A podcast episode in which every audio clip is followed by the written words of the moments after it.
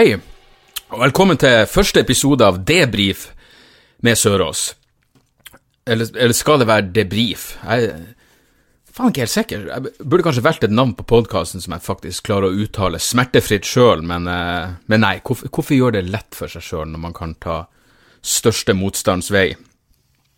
Eh, og bare for å gjøre det helt klart, denne, denne podkasten har ikke noe overhengende tematikk. Når jeg først la ut tittelen, så var det en fyr som skrev til meg at å, det her blir spennende, for debrifing er jo et uh, kontroversielt tema i krisepsykiatrien. Jeg bare, Nei, det her har ingenting med fuckings krisepsykiatri å gjøre i det hele tatt. Det her er bare meg som snakker om hva enn som har skjedd i det siste. Uh, og ja, jeg kommer til å fortsette å gjøre Dialogisk, som er den andre podkasten jeg driver på med, sammen med min, min etter hvert gode venn Gunnar Tjomli. Og i den podkasten så får jeg jo får jeg tilfredsstilt alle mine behov for nerdeprat, og, jeg og Gunnar kan kverulere og tankeeksperimentere om alt mellom himmel og jord, men samtidig så, så har jeg tenkt på at det er ikke sikkert at alle som liker min standup, nødvendigvis gidder å høre på dialogisk. Det er ikke sikkert at alle som, som liker det jeg driver på med på scenen, nødvendigvis gidder å høre på to timer lange diskusjoner om Jordan Peterson. Så, så derfor så vil jeg gjøre min, eh, min, egen greie, som jeg bare kan ta opp hjemme på kontoret mitt, og at jeg på den måten kan komme eh, rett inn i ørekanalene på, eh, på, de av dere som er, som er interessert i hva jeg er og babler om. Og når jeg sier at dette er eh, første episoden, så stemmer jo det.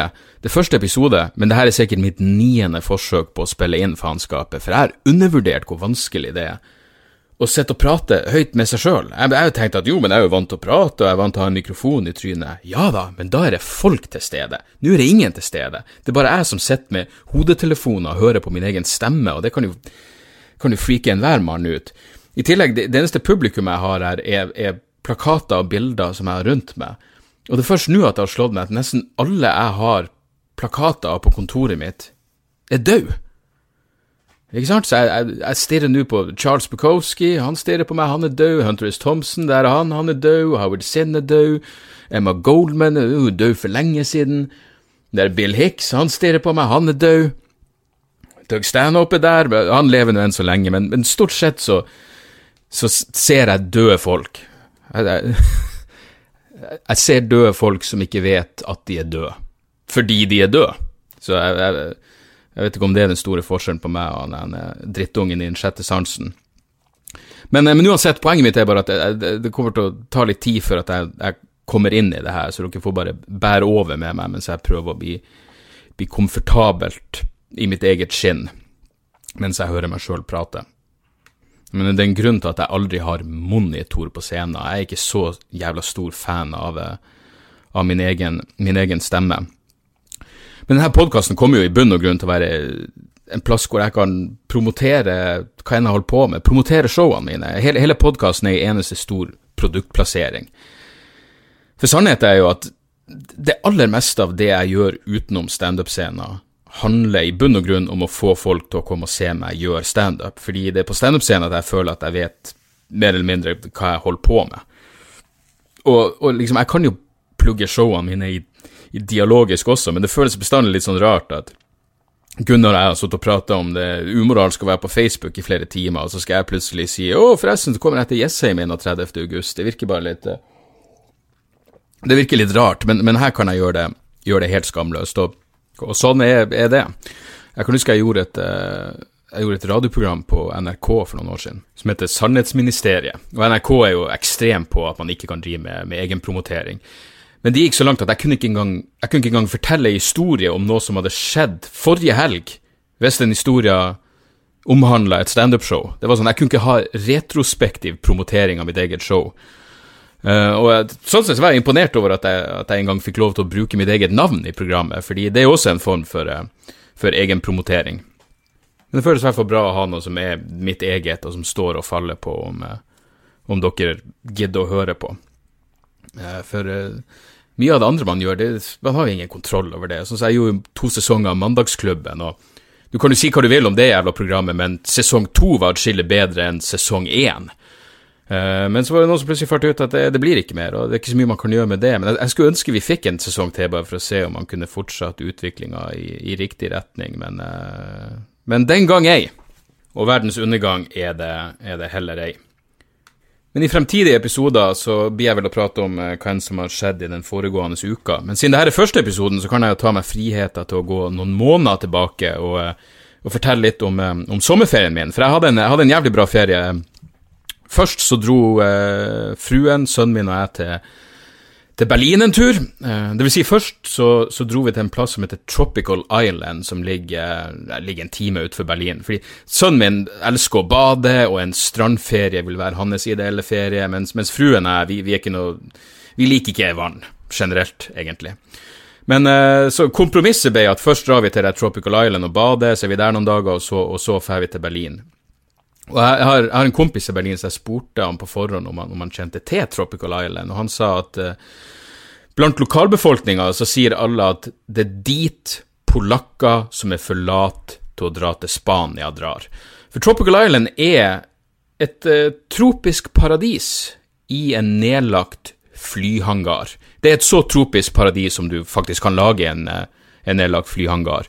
Og, eh, og, vi var der i tre dager, og jeg vet ikke om det finnes nok ironisk distanse i verden til å være der noe, noe særlig lenger, fordi det var faen meg en opplevelse. For det første så ligger jo folk de ligger inni en flyhangar og, og soler seg. Folk ligger innsmurt i babyolje og, og fucking solkrem og tror at de blir brun. Du, sola kommer jo inn gjennom et vindu, du, du blir ikke brun da, tror jeg. Jeg, jeg vet da faen, kommer UV-strålinga seg gjennom, gjennom vinduet, men pluss at Hør her, jeg dømmer ingen på utseende. Hvordan skulle det tatt seg ut hvis jeg hadde dømt noen etter utseende? Og om du er tynn eller feit, det, det har ikke jeg noen verdens ting med, men vet du, det var en fyr i bassenget der som var så jævla motbydelig at jeg holdt på å brekke meg. Og det var ikke bare fordi han var det var ikke bare fordi han var voldelig overvektig og i tillegg så ut som Han så ut som han, han var hårete som en sjimpanse, mens det var en eller annen Parkinson-pasient som hadde barbert han litt her og der, så han var helt usymmetrisk hårete, og så var revsprekka hans Han var så fet at revsprekka hans var så lang at han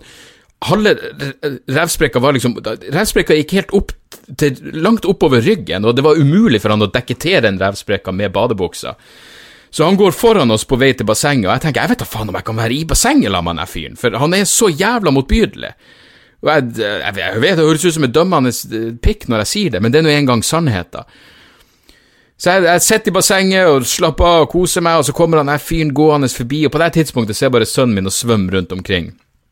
Og så kommer han gående, og jeg bare ser under vannet at nå er det enda mer av revsprekka hans som vises. Og så ser jeg at sønnen min kommer dukkende opp av vannet, rett bakom denne fyren. Sønnen min har svømt og marinert i revsafta til denne fyren. Jeg må innrømme at i det øyeblikket så tenkte jeg jeg blir nødt til å adoptere bort sønnen min. Jeg kan ikke se han i øynene etter det her.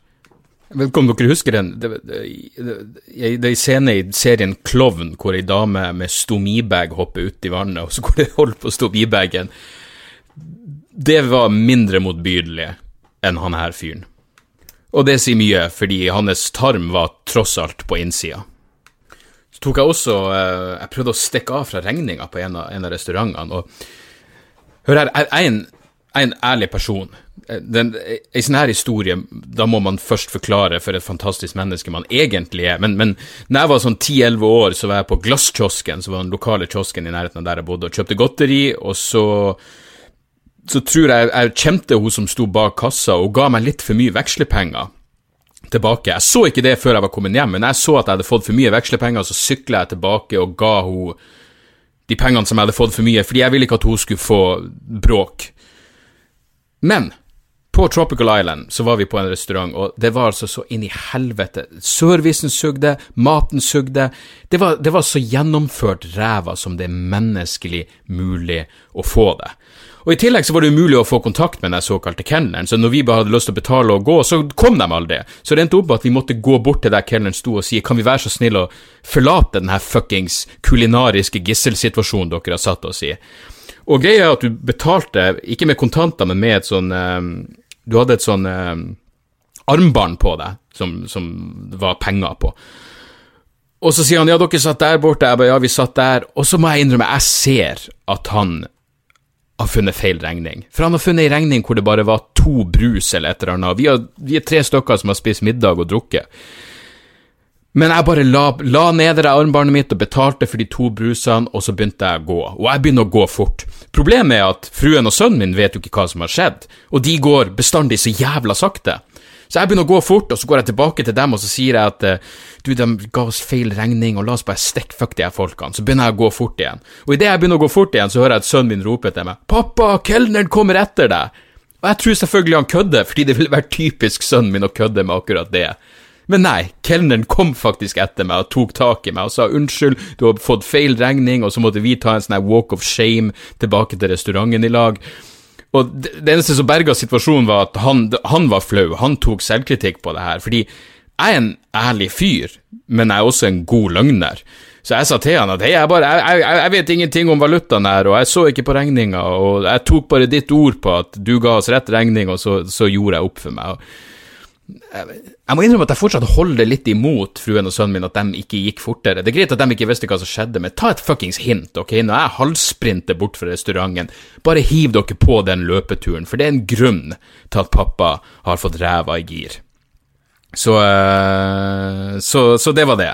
Jeg måtte selvfølgelig forklare til sønnen min også det her, at hei, jeg ville aldri stukke av fra ei regning, og jeg sykla tilbake til glasskiosken i min tid og alt det her, men det der var en så ufyselig jævla restaurant at jeg har ingen moralske innsigen mot å bare betale dem minst mulig. Men eh, som sagt, vi var, vi var, på Tropical Island i tre dager, og eh, det var lenge nok, og det, det var heldigvis ikke så langt at Stockholm-syndromet slo inn og vi begynte å like plassen.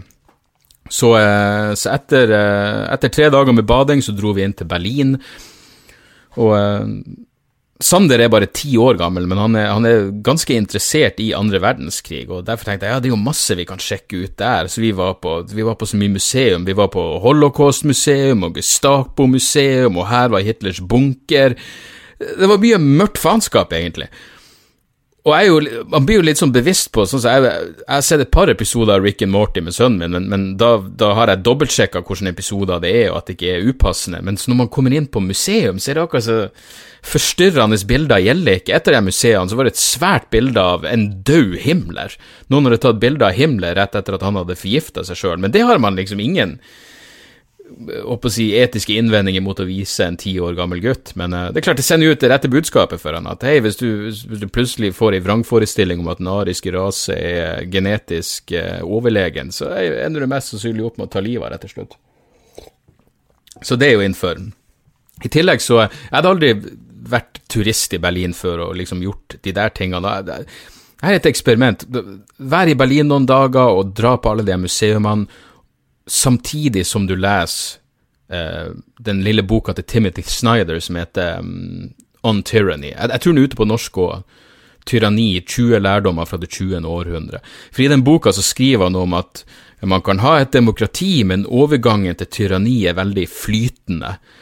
Um, og, og, og, hvis du leser den mens du er i Berlin og liksom tenker over at hei, Berlin, Tyskland var det mest uh, kulturelt utvikla og, og, og, moralsk utvikla folkeslaget i verden, og på et tiår så ble de faen meg om til de verste barbarene du kan forestille deg. Det er Det er foruroligende, og det er også det, det er verdt å tenke på. Må også påpeke at det var ikke bare holocaust og Gestapo, vi gjorde hyggelige ting òg, som, som, å besøke Stasi-museet.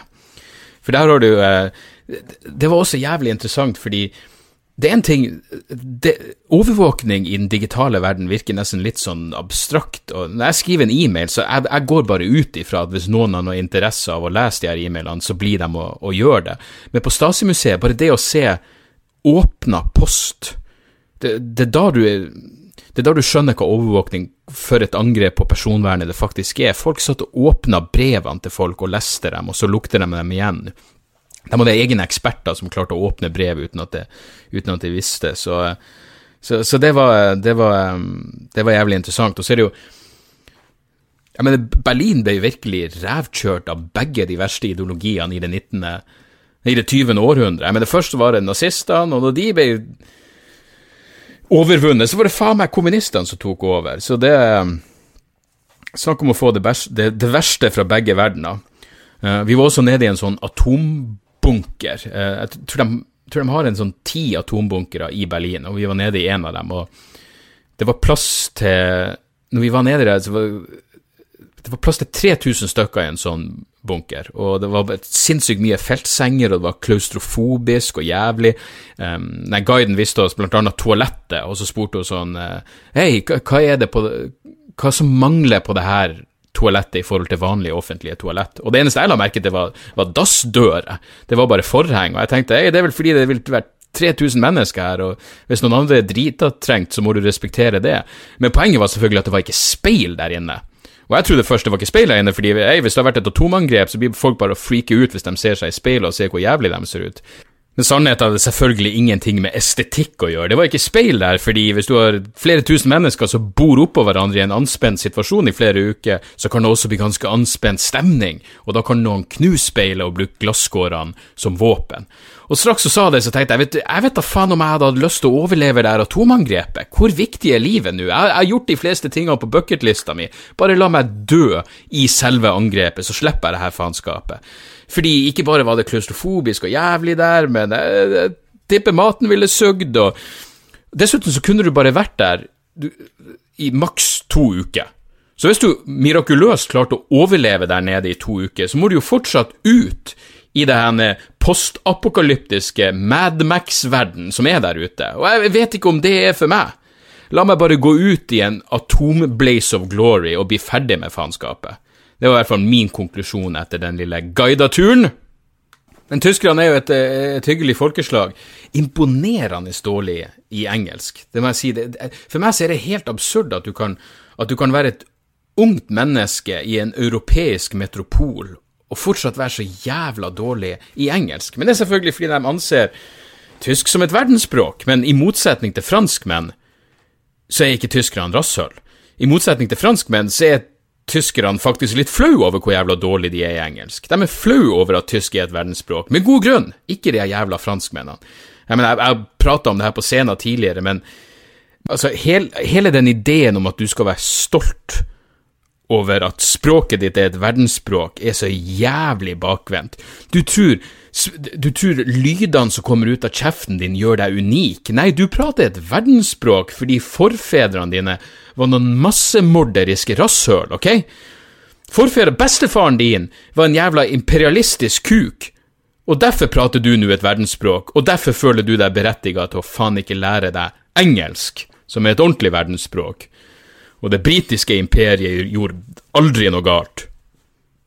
Så uansett, det, det, var Berlin. Etter Berlin så dro vi eh, Vi har en sånn fast runde som vi gjør i Nord-Norge, hvor vi besøker uh, svigermor og så foreldrene mine. Og uh, det var jo første turen til, til svigermor etter at svigerfar daua i april. Svigerfar og min kjære Chomsky-dog døde med, med en dags mellomrom. Og hvis dere vil høre vitser om det, så får dere komme på, på demokratishowet mitt i høst. Men faktum er jo at svigerfar var en, var en sær jævel på, på, både godt og vondt. Så det vi fant ut nå, var at han hadde samla sammen i flere tiår. Han, han var sjømann. Og i flere tiår så han drevet og samla på nødrasjonspakker med mat og vann. Og han har bygd sin egen sånn lille doomsday prepper-greie nede i kjelleren hjemme, og det var, fullt, det var altså så inn i helvete mye mat og vann der. Og det meste var jo gått ut på dato for flere tiår siden, så, så, så, vi skal rydde ut det her. Vi skal rydde bort alt det her faenskapet for, for svigermor sin del.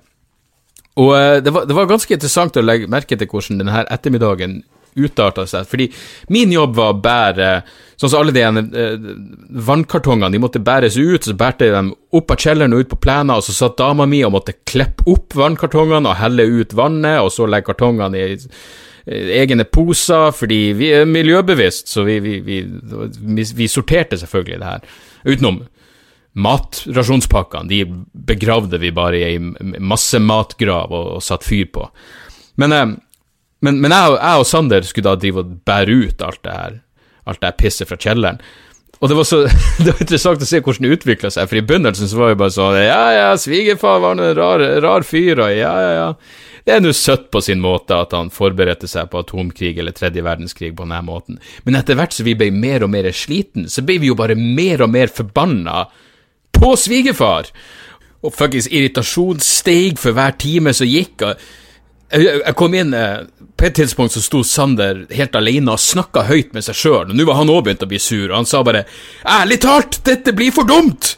Og han hadde et poeng, det er for dumt, men det var også det som gjorde det gøy, og det er en sånn situasjon jeg håper at det finnes et etterliv eller et eller annet, hvor bare svigerfar Jeg bare likte å tenke på at svigerfar i det øyeblikket så opp på oss mens han flirte for seg sjøl og tenkte 'Jeg hadde i det minste vett nok til å krepere før opprydningsarbeidet.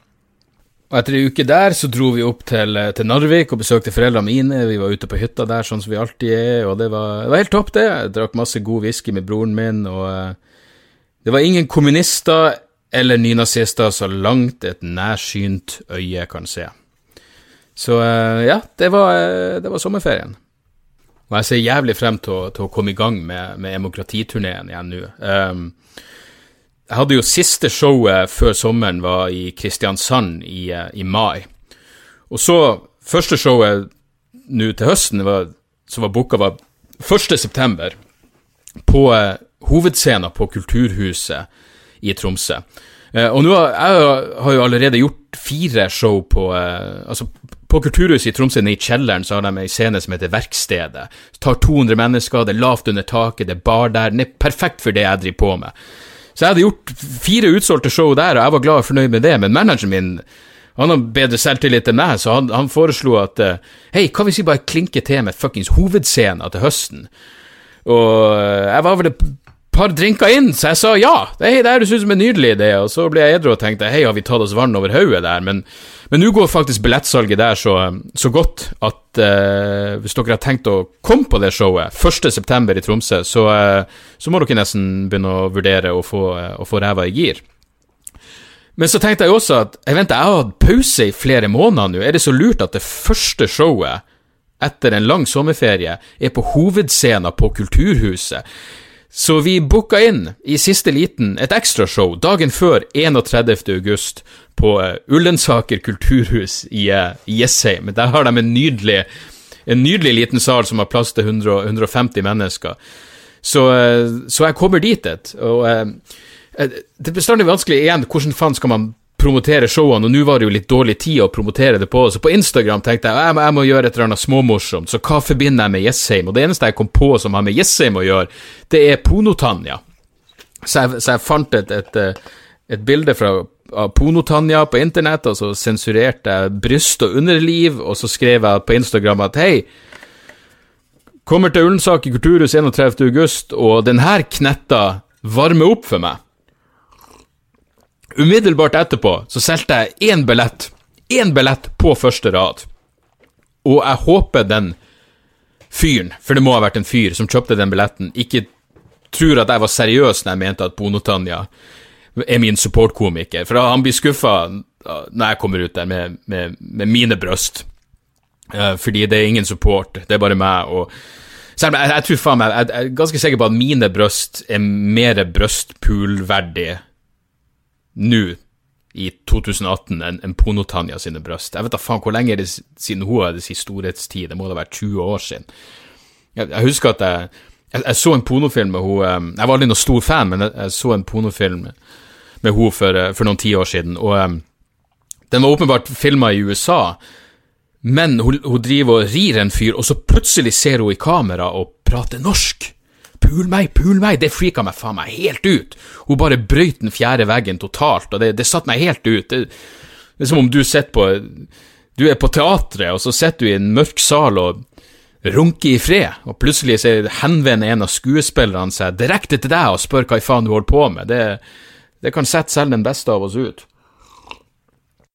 Men ja, Uh, eh, 31. august, demokrati i Jessheim. 1. september, demokrati på hovedscenen på Kulturhuset i Tromsø. Og uh, jeg gleder meg som faen til begge deler, og det er alltid fryd å komme tilbake til Tromsø, om så bare for å dra på Blårock og drikke øl med, med godeste, godeste Egon Holstad. Og etter det så fortsetter turneen, og jeg gjør, uh, jeg gjør den delen av landet som jeg ikke gjorde gjorde i vår. Jeg, jeg, jeg, kommer til, jeg, kommer til, Ålesund, jeg kommer til Levanger, jeg kommer til Harstad, Stokmarknes, Ski, Haugesund, Bergen. Jeg gjør flere show i Bergen, Stavanger, Gjøvik, Fredrikstad, Drammen, Sarpsborg, Skien, og så så gjør jeg showet på Rockefeller i Oslo, og der skal showet også filmes. 3. november, og eh, jeg gleder meg som faen. Jeg tror bare det er noen få billetter igjen til det showet, faktisk. Og eh, jeg, jeg filma jo det forrige showet mitt, Ekkokammer, på Sentrum Scene, men og, og, Rockefeller er vel litt mindre enn Sentrum Scene, men det føles større, bare fordi det er en så legendarisk venue i, i mine øyne. Jeg går mye på konserter, så jeg har vært mye på Rockefeller, og de som driver den plassen, er helt nydelige mennesker. Så 3. november, det, det, ser jeg, det, ser jeg, Da ser jeg frem til å få foreviga det her showet, som jeg, som jeg for øvrig er, er, er, fornøyd med. Jeg er jo sjelden noen no, no stor fan av meg sjøl, men uh, men uh, jeg tror jeg kan stå inne for at demokrati er det beste faenskapet jeg har gjort så langt. Så, um, så, jeg gleder meg virkelig til å se dere ute på veien i høst. Uh, sånn rent avslutningsvis så hadde jeg jo um, Altså, hvis dere hører på dialogisk, så skal jeg prøve å ikke og ikke gjenta meg sjøl. Sånn at hvis dere, gud forby, skulle føre, føle for å høre på begge deler, så skal dere kunne gjøre det uten, med minimalt med gjentagelser fra min side. Men en av de få, få, tingene jeg hadde klart for meg at jeg skulle prate om i denne første episoden, var jo eh, Hannah Gatsby sitt standupshow Nanette. Men så begynte jeg og Gunnar å prate om det i, i eh, siste episode av Dialogisk, som heter 168 biler. Så hvis dere vil ha en mer utdypende forklaring på mitt synspunkt på det showet, så, så kan dere høre på den episoden. Men selv om jeg, selv om jeg, jeg likte det showet, og jeg liker Hannah Gatsby, eh, syns hun er en fascinerende person, så var mitt hovedproblem med det showet at hun essensielt er en komiker som sier at enkelte ting er for alvorlig å kødde med. Og hun har en sånn fin eh, dekonstruksjon av humor, hvor hun prater om at humor handler om å bygge opp spenning, og så forløser du den spenninga. Men så sier hun også at eh, Hun insinuerer i hvert fall at, at For det første, hvis du gjør narr av deg sjøl, og du er samtidig er del av en marginalisert gruppe, så, så, er det nedverdigende på et eller annet vis. Det er jeg helt uenig i. Og så mener hun også at det trivialiserer alvorligheten i det du prater om, hvis du vitser det til. Altså, hvis du bygger opp ei spenning, så trivialiserer du spenninga litt med å forløse den.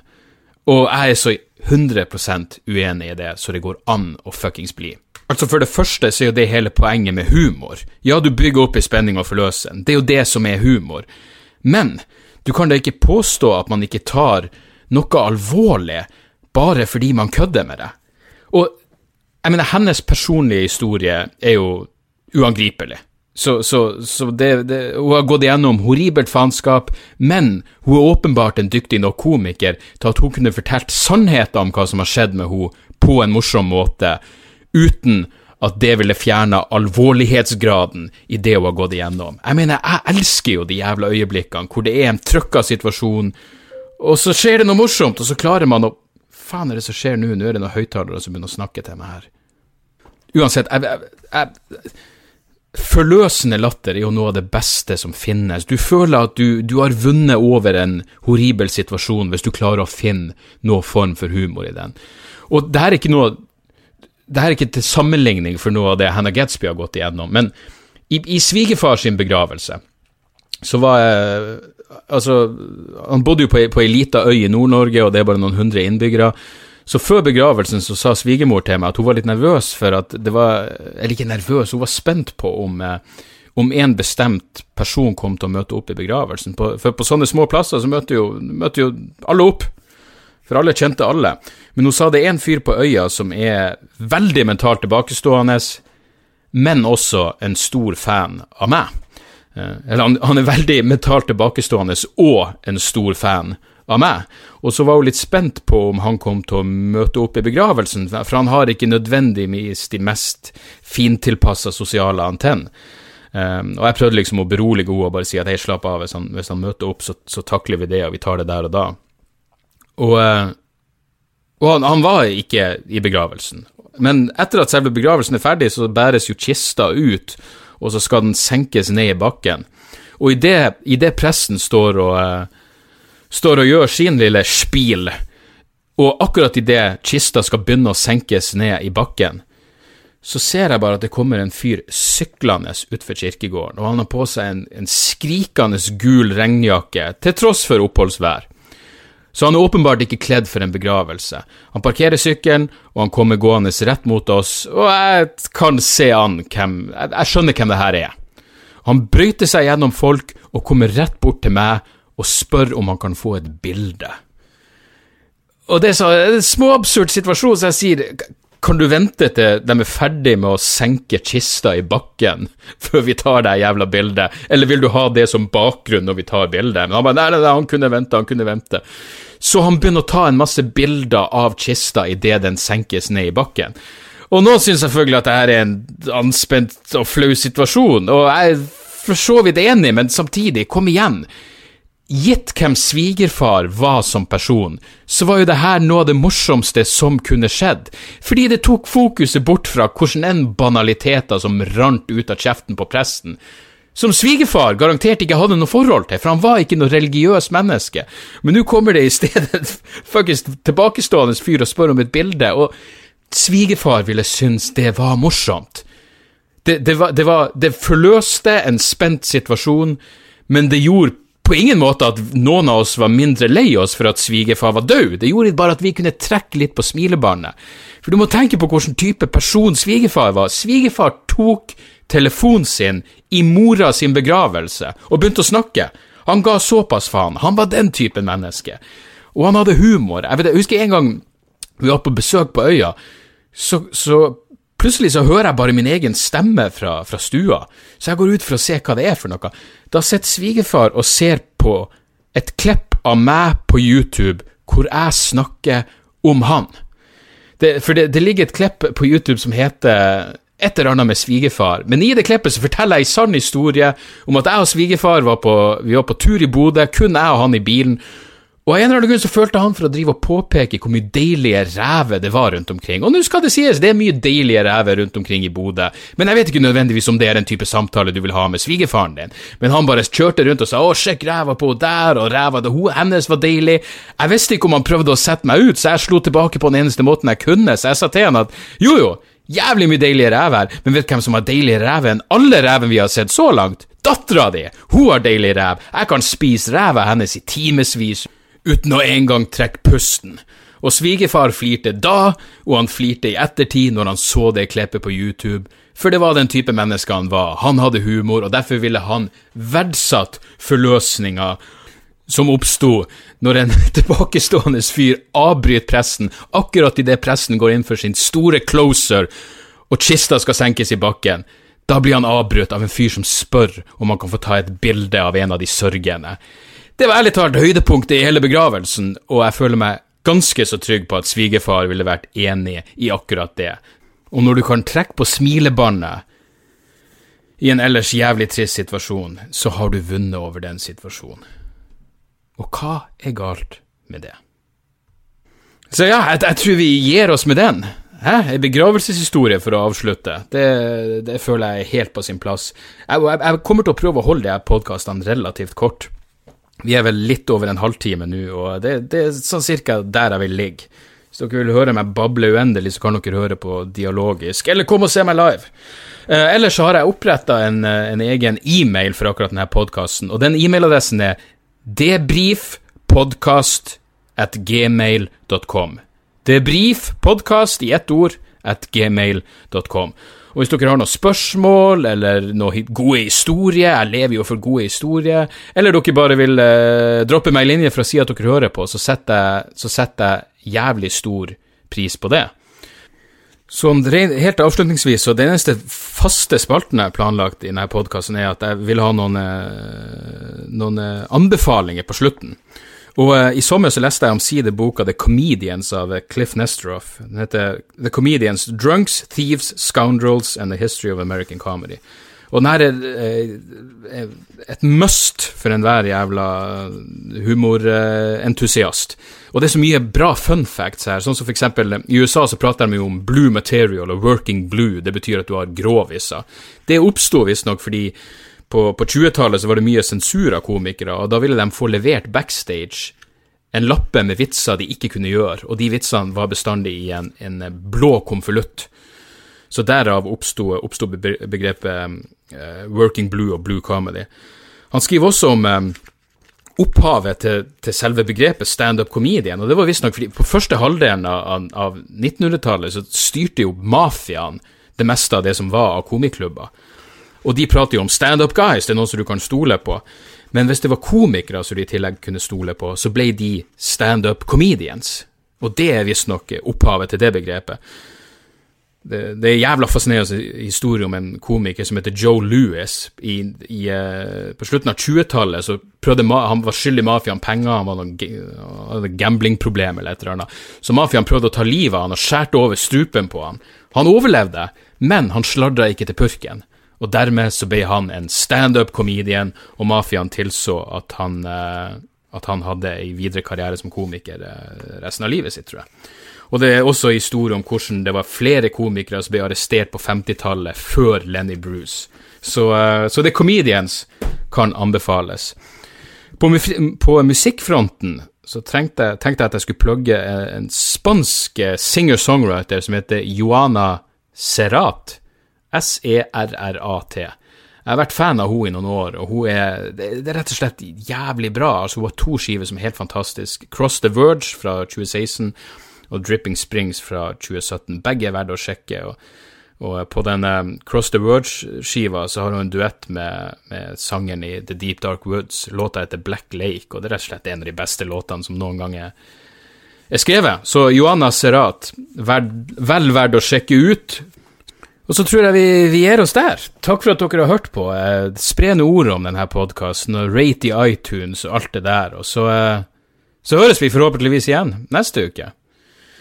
Christopher Hitchens stirrer på meg akkurat nå og lurer på hva i faen jeg holder på med. I see dead people. Snakkes! Da er det reklametid, og ukens annonsør er fiken. Hør her, jeg, jeg, jeg avskyr ordet regnskap. Ordet regnskap eh, gir meg assosiasjoner som er uhyggelige. Det får meg til å tenke på andre uhyggelige ord som ettersyn og underlivsundersøkelse. Men regnskap er et nødvendig onde, og fiken er et så enkelt regnskapsprogram at selv jeg kan klare å ha kontroll på finansene hvis jeg bruker det. Eh, du kan registrere kjøpene dine bare med å ta et bilde av kvitteringa med appen, og så kan du bare hive, hive kvitteringen. Hvor nydelig kan det bli? Og Fiken forholder seg også til regnskap med overkommelige ord. Det er ikke masse overkomplisert økonomisk terminologi. De kaller det kjøp og salg i stedet for hva enn de kaller det på BI. Og du kan, eh, du kan få fiken til å sende purringen dine, sånn at du slipper å gjøre det sjøl. Slipper du de flaue øyeblikkene hvor du må skrive 'unnskyld meg, men det står noe utestående her, kan du fikse det fortest mulig', må jeg sende, må sende mafiaen etter deg? Nei, fiken fikser det, så kan du skylde på algoritmene. Du slipper dårlig stemning. Jeg syns det er utrolig greit å slippe å styre med sånne ting sjøl, og nå kan du prøve fiken gratis i 30 dager. Hva, hva har du å tape? Bokstavelig talt ingen verdens ting. Så gå inn på fiken.no og prøv fiken gratis i 30 dager. Ok? Det var det så vanskelig.